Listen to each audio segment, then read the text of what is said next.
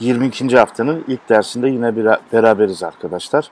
1970'li yıllar konuşmaya devam edeceğiz tabii ki. 1970'li yılların ekonomisine biraz da yakından bakalım istedim. Yine tabii ki Türkiye'nin 1970'li yılları kitabından, e, ekonomiyle ilgili makalelerden yardım alarak Bilsel Kuruç Hoca'nın, Hüseyin Özel Hoca'nın makalelerinden, İsmet Akçı Hoca'nın e, değerlendirmelerinden falan yararlanarak tabii bu arada Korkut Hoca'nın, Şevket Pamuk Hoca'nın falan da ve diğer başka makalelerden de yararlanarak e, sizlere bir böyle işte seçki yapmaya, ana hatlarıyla 70'ler ekonomisiyle ilgili e, bir takım bilgileri aktarmaya e, gayret edeceğim. E, 1970'li yılların e, kapitalizmini Bilsay Kuruç Hoca e, biraz da güler yüzlü sosyalizm o dönemde çok e, e, işte popüler bir kavram. E, sosyalizm with human face. E, oraya nazire yaparcasına biraz da güler yüzlü kapitalizm yılları olarak e, değerlendirir. Hatta hoca kendisiyle yaptığımız röportajda da yani güler yüzlü sosyalizmi konuşabilmek için önce güler yüzlü kapitalizmi konuşabilmek, konuşmak falan gerekir der. Hocanın güler yüzlü kapitalizmden kastı 1950 ve biraz zorlayarak da olsa 1979-1980'li yıllara kadar uzatabileceğimiz e, bu yaklaşık 30 yıllık süreçte kapitalizmin işçi sınıfıyla e, e, büyüyen pastayı bölüşmeye razı olabildiği, yüksek vergiler ödemeye razı olabildiği, işte refah devlet uygulamalarından bahsediyor hocam. Buna razı olduğu, olabildiği bir dönemi ifade ediyor. Ve hoca yine altını çizdiği husus da şu, biz diyor bugün diyor kapitalizmi düşünürken hep bu 50-80 arasındaki güler yüzlü kapitalizmi düşünüyoruz ki aslında kapitalizm dediğimiz şey hiç de öyle o 30 dünya tarihinde bu 30 yılda olduğu gibi falan değildi diyor. Yani o yüzden hani güler yüz yüzlü kapitalizmi biz aslında farklı şekillerde yine konuşmuştuk yani farklı şekillerde konuşmuştuk derken yani bu genişleme döneminden bahsetmiştik ama bu e, espri tarafı güler yüzlü kapitalizm olma tarafı e, Bilsel Kılıç Hoca'ya aittir. Tabii ki çok da, e, da yerinde bir teşhistir e, hocanın bu o, analizi. Velhasıl kapitalizmin bütününü düşündüğümüzde aslında istisnai bir dönem olan bu işte güler yüzlü kapitalizm esprisi içinde düşünüyoruz. Son 10 yılındayız arkadaşlar. E, bu 10 yılda ama bu 10 yıl kendi içerisinde sorunları da barındıracaklar. Sorunsuz bir 10 yıl değil. İşte bu algıların yavaş yavaş 79-80'e doğru gelirken tamamen yerle bir olacağı hem o algıların devam ettiği hem de yıkılmaya başladığı falan bir dönem. Nasıl bir dönem? İşte sermaye sınıfının emekçilerle birlikte yaşamaya, onlara da paylarını vermeye razı olduğu bir dönem, bir rıza dönemi. Ki bak biz 1960'lı yılları konuşurken bile işçi sınıfı, sanayi burjuvazisi ve orta sınıf kentli işte kesim, asker de bunun içerisindeydi, arasındaki bir sınıf ittifakından bahsediyorduk ki bunun da o uluslararası yapıyla çok da kopuk olmadığını altını çizmesi açısından önemli olduğunu düşünüyorum. Refah devlet uygulamalarından, tabii refah devlet uygulamalarının e, Türkiye gibi daha işte çev yarı çevre ülkelere yansıyışı kalkınmacı devlet anlayışıdır. İşte buraya yansıyışını falan da 60'tan itibaren e, görmek e, mümkün olabiliyor. Peki bu ne zaman bitti? İşte ne zaman ki diyor Bilsay Kuruç Hoca Margaret Thatcher diyor, çıktı diyor işte televizyona there is no such thing as a society dedi diyor yok kardeşim toplumda öyle bir şey falan yoktur diyor, dedi diyor. Evet bu liberal teoride de işte toplumun fiktif bir şey olduğu, bir varsayımdan ibaret olduğu, bireylerin toplamından fazla bir anlam ifade edilmediği tabii ki daha sonra yani Thatcher'ın söylediği şekilde falan kalmayacak. Yani daha teorize edilmeye falan da çalışılacak postmodern bir dünya tahayyülü falan. Bu tartışmalar zaten hiç girecek şeyinde yok. Ama işte hocanın da e, analizi şu ki yani işte sembolik olarak tabii ki ne zaman Thatcher diye bu lafı söyledi ha diyor o zaman da diyor işte bu güler yüzlü kapitalizm bitti. Yine tabii ki burada bu hani bu laf söylendiği için doğrudan doğruya bir dönemin kapanmasını beklemezsiniz. Burada da hoca bizim de bu derste birçok kereler yaptığımız gibi sembolik bir tarih arayışında yani Tabii bunun için daha geniş bir şeyler konuşmak lazım. Önemli değil.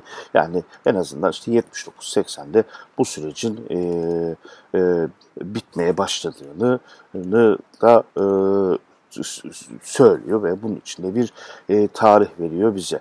Tabii 1980'li yılların Rın ekonomisini şeyine ayrı konuşmak gerekiyor falan ama 1960'lı yıllar, 70'li yıllar yine hocanın analizlerine göre Türkiye'de klasik demokrasiye en yakın diyebileceğimiz dünya koşulları içerisinde e, bir ölçüde bağımsızlığa en yakın diyebileceğimiz bir 20 yıldır diyor. Ama bağımsızlık şeyini çok da hani e, e, mutlak bir şeyde düşünmemek gerekiyor. Sonuçta e, bir zincir mantığı içerisinde birbirine bağlı bir kapitalist dünya bu zincir mantığı hani e, sonuçta yani e, en zayıf halka şey diyelim e, bir şekilde sana yardım ediliyor.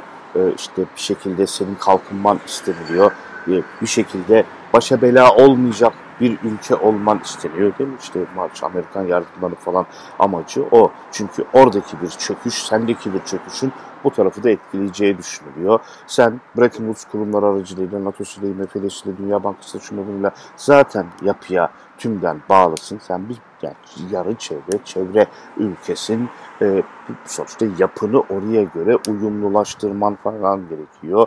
Ve bu, bu uyumu sürekli tesis ediyor durumda olman gerekiyor. Ve o takdirde senin bağımsızlığında olsa olsa görece olabilir. Elbette ki Bilsel Kuruç Hoca'nın da analizi mutlak bir bağımsızlığın şeyin olduğu, böyle bir başa buyrukluğun olduğu bir dönem değil. Hiç değilse diyor diğer dönemlerle kıyaslandığında belki de 60'ların 70'lerin en azından buna yakın bir dönem olduğu e, şeyini veriyor. Yani örnek olarak şeyi de veriyor hoca yani mesela diyor işte Türkiye diyor Amerika'ya Ecevit hükümeti Amerika'ya sormadan etmeden diyor örneğin işte Willy Brandt'la işte o Palme ile falan görüşüp oranın modelleriyle ilgili işte ki Ecevit'in ziyaretine Bilsa Hoca da e, İskandinav ziyaretine o da dahil olan, o da o heyetin içerisinde falandır. Yani bayağı diyor oradan bir model arayışı falan filan bir şey var ve bu böyle özel izin alınarak falan yapılan bir şey falan da değildi diyor yani. Buna örnek veriyor. Tabii Kıbrıs'a örnek verilebilir bununla ilgili olarak. Başka örnekler de bulmak mümkündür. Ama mutlak bir bağımsızlık dönemi e, ekonomik siyasi her alanda değilse de hiç yani kısmen bunun e, olabildiğini söylediği e, bir e, kendi kendine politikalar çizebileceğini düşündüğü içte ise e, bir dönemdir. Tabii ki bu 70'li yıllarda 60'larda azıcık daha da belirgindir. Ama işte özellikle 78-79'a gelindiğinde özellikle de İran devrimi ve Afganistan'a müdahaleden sonra Türkiye'nin tek kendi başına bırakılacak bir şey olmadığı, aha ola ki rejim değişikliği bilmem ne falan filan olabilir. Onun daha farklı bir yörüngeye sokulmak zorunda olduğu falan zaten diyor netleşecek diyor. Ee, 1960'lı yıllara gelindiğinde toplum bir, bir hak sahibi olma düzenine kavuşmuştu. Evet yani yaygın olarak 1960 diğer anayasalarda temel hak ve özgürlükler hiç yok da ilk defa ama tabii yaygın olarak 1961 anayasası temel hak ve özgürlükler konusunda görülmedik derecede bonkördü bize. Yine diyorum hani bu 1961 anayasasının e, kendine münhasır bir mükemmelliği olduğu anlamına falan gelmese de sahip olduğumuz anayasalar içerisinde sıraya konulduğunda 61 Anayasası'nın e, hiç değilse temel hak ve özgürlükler ve sosyal haklar anlamında diğerlerinden çok daha geniş düzenlemelere sahip olduğunu da rahatlıkla söyleyebiliriz. Bu anlamda düşündüğümüzde 1960 Anayasası'yla gelen düzen bir hak sahibi olma düzeni. Ne yavaş yavaş buna pratik etmeye başladığı bir şey. 70'li yıllarda da tersine bir rüzgarda esmeye başlıyordu ki 71 ayetteki müdahaleden sonra biliyorsunuz verilen hakların tekrar geri alınmasına dair bir e, şey e, de çabada olmadı değil. Ama işte 60'lardaki o 10 yılda siyasallaşan, hak sahibi olma e, pratiği edinmeye başlayan toplumun elinden haklarını almak bu kadar da kolay olmuyordu. Bu da tabii ki sokak sokakların ısınmasına, bu da tabii ki mücadelelerin sertleşmesine de e, de zemin hazırlayan bir şey. Yani e, işte 1970'te bir sınıf olarak işçi sınıfı ben buradayım diyordu.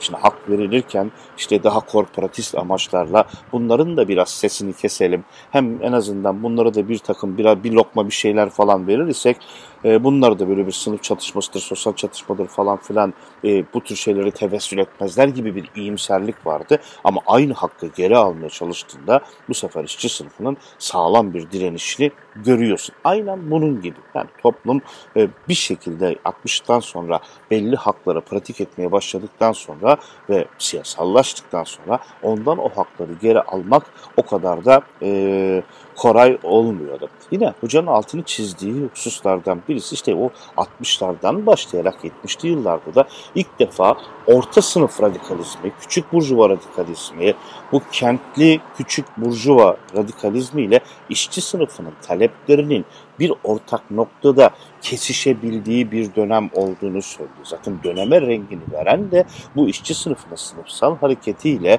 hani hocam cumhuriyetçi orta sınıf dediği bunun için öğrencisi var, kentli orta sınıf var, efendim işte e, hocası var, as, askeri var, memuru var. E, işte kentli orta sınıf deyince ne anlıyorsanız, burjuva radikalizmi deyince ne anlıyorsanız arkadaşlar bunların taleplerinin öğrenciler var. Taleplerinin kesişebildiği, kesiştiği bir dönemde ona ivmeyi de zaten o vermişti diyor. Yani bu böyle bir ittifak var. Ee, belki 60'larda henüz daha böyle bir ittifak net değil ama 60'ların ortasından başlayarak ama aslında 70'lere doğru gelirken böyle bir ittifakın izlerini e, göre bildiğimizi söylüyor. Haklı da çünkü mesela Memduh Tağmaç'ın o meşhur sözünde 1975'in ya 70'in çok affedersiniz düzeltiyorum Memduh Tağmaç'ın sözünde 1970'in işte başında da e, işte Türkiye'de sosyal gelişme, ekonomik gelişme geçmiştir ve durdurulmalıdır diyor. Meşhur bir laf bu yani e, sosyal gelişme, ekonomik gelişmeyi geçmiştir diye yani. Aslında hak arama diyor ya işte, işte hak arama şey 60'lardan sonra yani o onu sen geri almakta zorlanıyorsun. Öyle diyelim yani. Yani işte ve işte bir şekilde bu gelişmenin durdurulması lazım. Aslında 70'lerdeki karşı süreci de de şey yapıyor yani 60'tan 70'e kadar olan süreçte bir şeyler veriliyor ama işte onu geri almak lazım. İlan al deyince de ha deyince o işte zaten olmuyor. E onun için ne lazım? Onun için 12 Eylül darbesi gibi bir darbeyle belki yani onu şey yapmak gerekiyor. Çünkü normal prosedürde kimse kendisine verilen hakkı kolay kolay e, elinin şeyiyle bir altın tepsi içerisinde e, sana e, geri vermiyor yani. İşte yani tamacı sözünü mesela şöyle e, şey yapmak gerekiyor işte sosyal e, uyanış, ekonomik uyanış aş, aşmıştır sözünü. Mesela diyor ey sermaye sınıfı diyor. Siz de varlığınızı gösterin, meydanı bırakmayın. Yani bir yandan işte bir yandan da bunu demeye getiriyor diyor. Yani sosyal sermaye ekonomik şeyi, sosyal e, dönüşüm e, şey e, ekonomik şeyi aştı demekti diyor. Aslında e, böyle bir şey de vardır. Aslında 70'lerin böyle bir işte bu şeyde e, çok geniş perspektiften e, şeyini en azından Türkiye profilini çizmiş olduk. Tabii yani geçtiğimiz derslerde Gencer Hocam Hoca'dan dış politika ile ilgili ana e, işte o dönemin ana e, şeylerini konuşurken de e, trendlerini, olaylarını, şeylerini konuşurken de yani bu işte işte bu dönemin işte Amerikan hegemonyasının da sarsılmaya başladı. Başta Vietnam vardı değil mi? Yani Vietnam basit bir savaş yenilgisi bilmem ne falan filan gibi değil. İşte soğuk savaştaki soğuk bir yenilgi e, olması çok önemliydi. Çünkü hani bir umursanmayan bir işte bir ülkeye Amerika yeniliyor ki bu da işte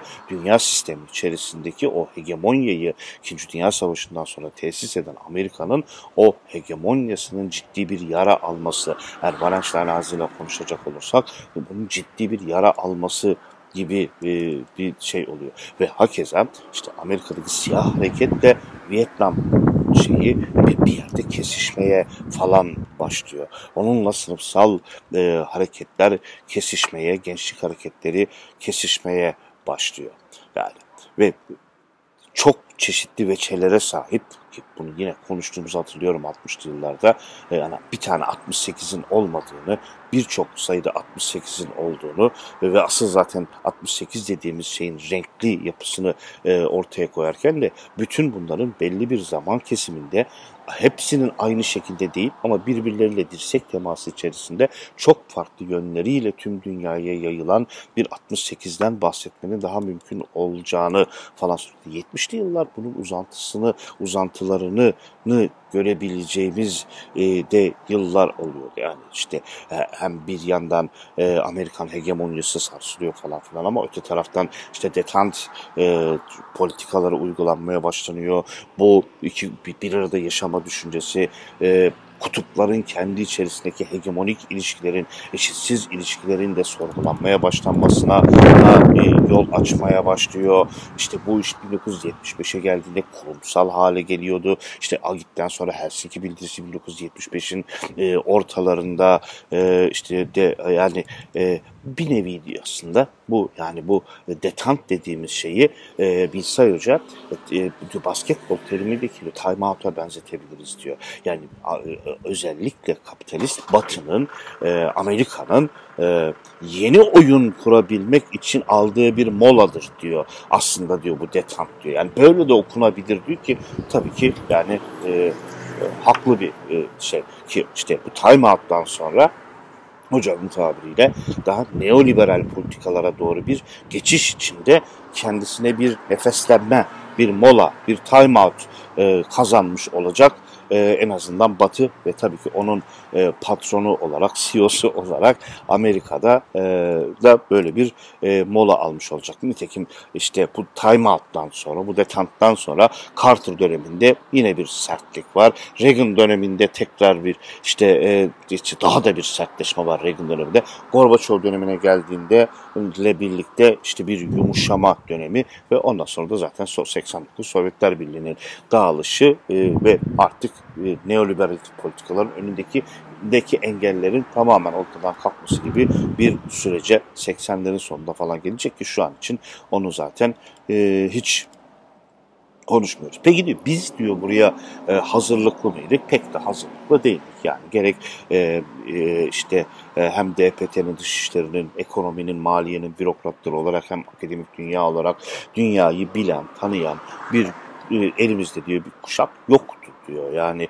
Soğuk Savaş'ın ezberlerinin ötesine çok da geçebilecek bir altyapı, bir şey yok diyor. Yani o dünyayı tanıyan kuşak e, hocanın tabiriyle İsmet İnönü'yle birlikte gitmişti diyor yani. E tabii ki yani bunu bir daha gene, gene göreceli olarak düşünmek gerekiyor. Yani o dönemki herkesin salak olduğu falan anlamına gelmiyor bu ama yaygın olarak bir dünyanın trendlerini e, anlama konusundaki eksikliğin altını da çizmesi anlamında e, okumak gerekiyor. Yani Soğuk Savaş'ın Amigolu'nun ötesine çok da fazla geçemedik diyor. Bir yerde do doğru olan e, noktalarda e, var dedi. İşte Carter dönemiyle, Jimmy Carter dönemindeki sertleşme, yani yarı sertleşme, yani detanttan bir çark etme şeyi aslında Türkiye'ye diyor daha bir ağırlık verme düşüncesinde beraberinde getirdik aslında demin söyledim. Neyi söyledim? Yani işte e, Orta Doğu politikalarının şahı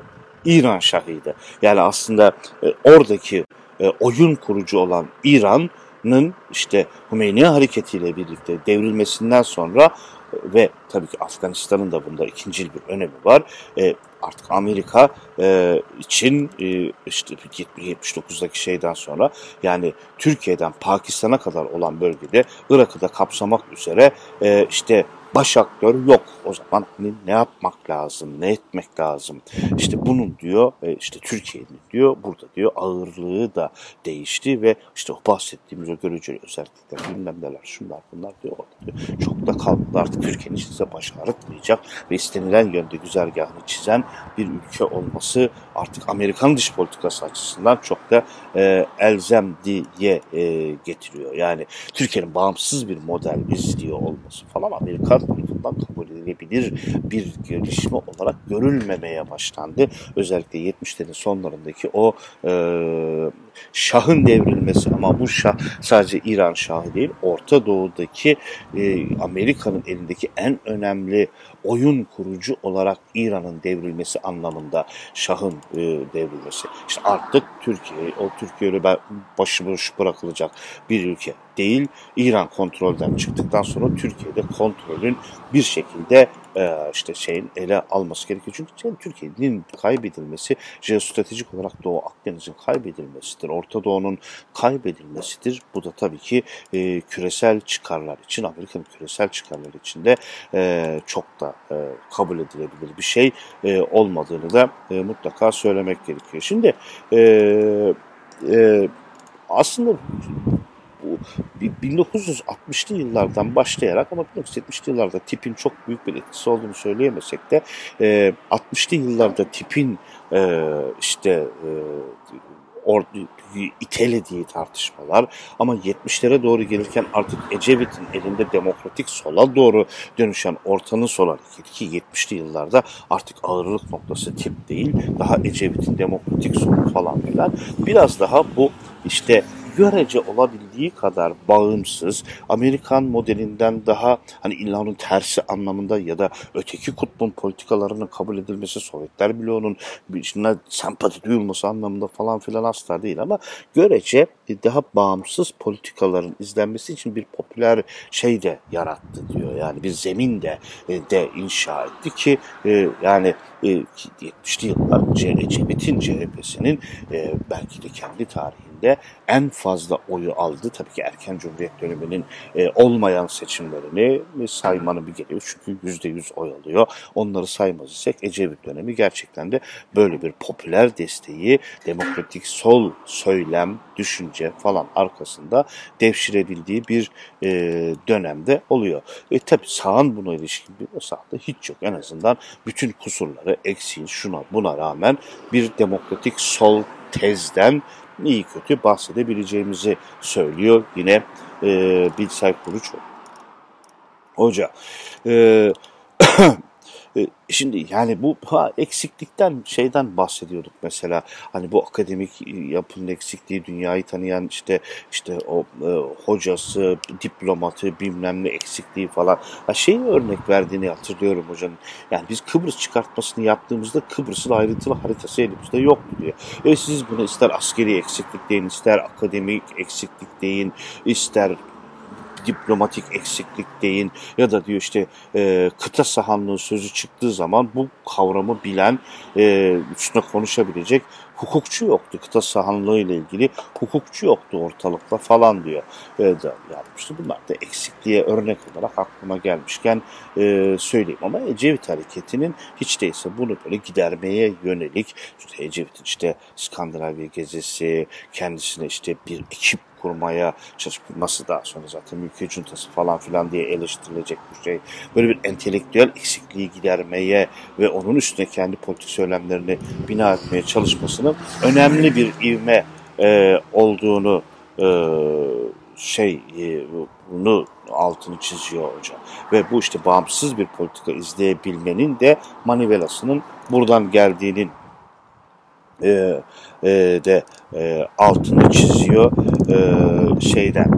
E, tabii yani bu dönem işte daha önce de konuştuk.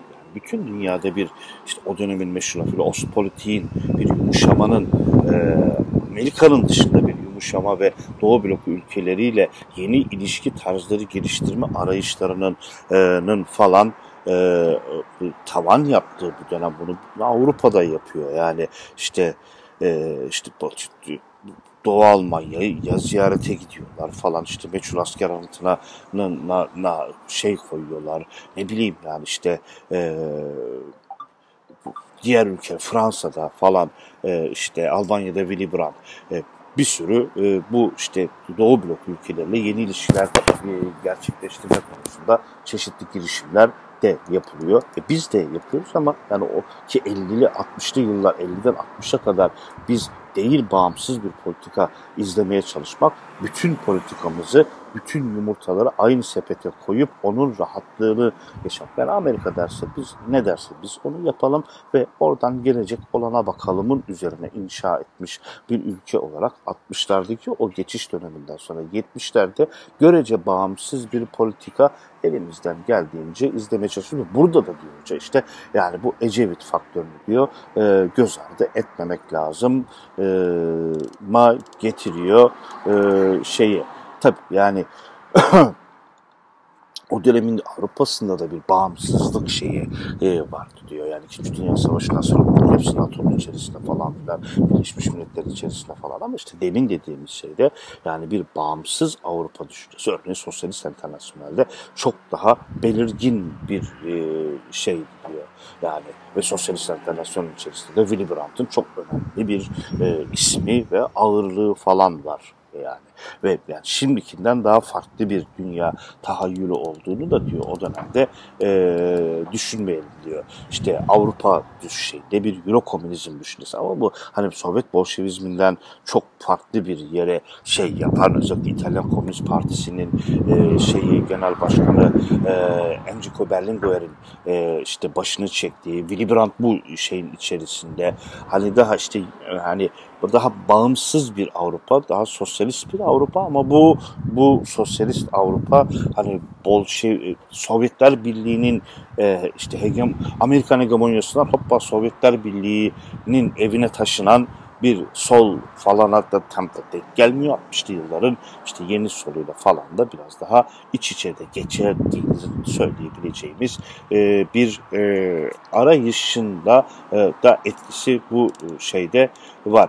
Tabi yani sadece Avrupa'da Euro komünizm falan filan değil. Dünyada da bak Türkiye'de de bağımsızlık hareketlerinden falan bahsediyoruz da dünyada da bu var. Yani işte 3. Dünya hareketi var. Bu arada 3. Dünya denince hani e, daha TRK'yı anlamak falan gerekiyor. Fransız devrimindeki yani işte birinci dünya en iyi dünya, ikinci dünya Sovyetler Birliği bir de üçüncü mevki gibi falan yani birin yani bir, bir, böyle bir şey düşünmeyin. Birinci, ikinci, üçüncü gibi hiyerarşik bir sıralama değil. İşte Fransız devriminden sonraki halkı geniş toplum şeyini ifade eden Tierreta'daki gibi bir üçüncü dünya, üçüncü e, şey tabaka gibi şey yapılıyor yani bu şeyde de yani işte 50'li yıllardan 2. Dünya Savaşı'nın sonrasında bu 3. dünyanın e, şeyleri e, e, çatılmaya başlanıyor ama işte Mısır'da Nasır Tito, efendim Nehru Hindistan'da ondan sonra bütün bu sadece üçüyle falan filan da olmuyor yani ve e, işte bunlar uluslararası şeylerde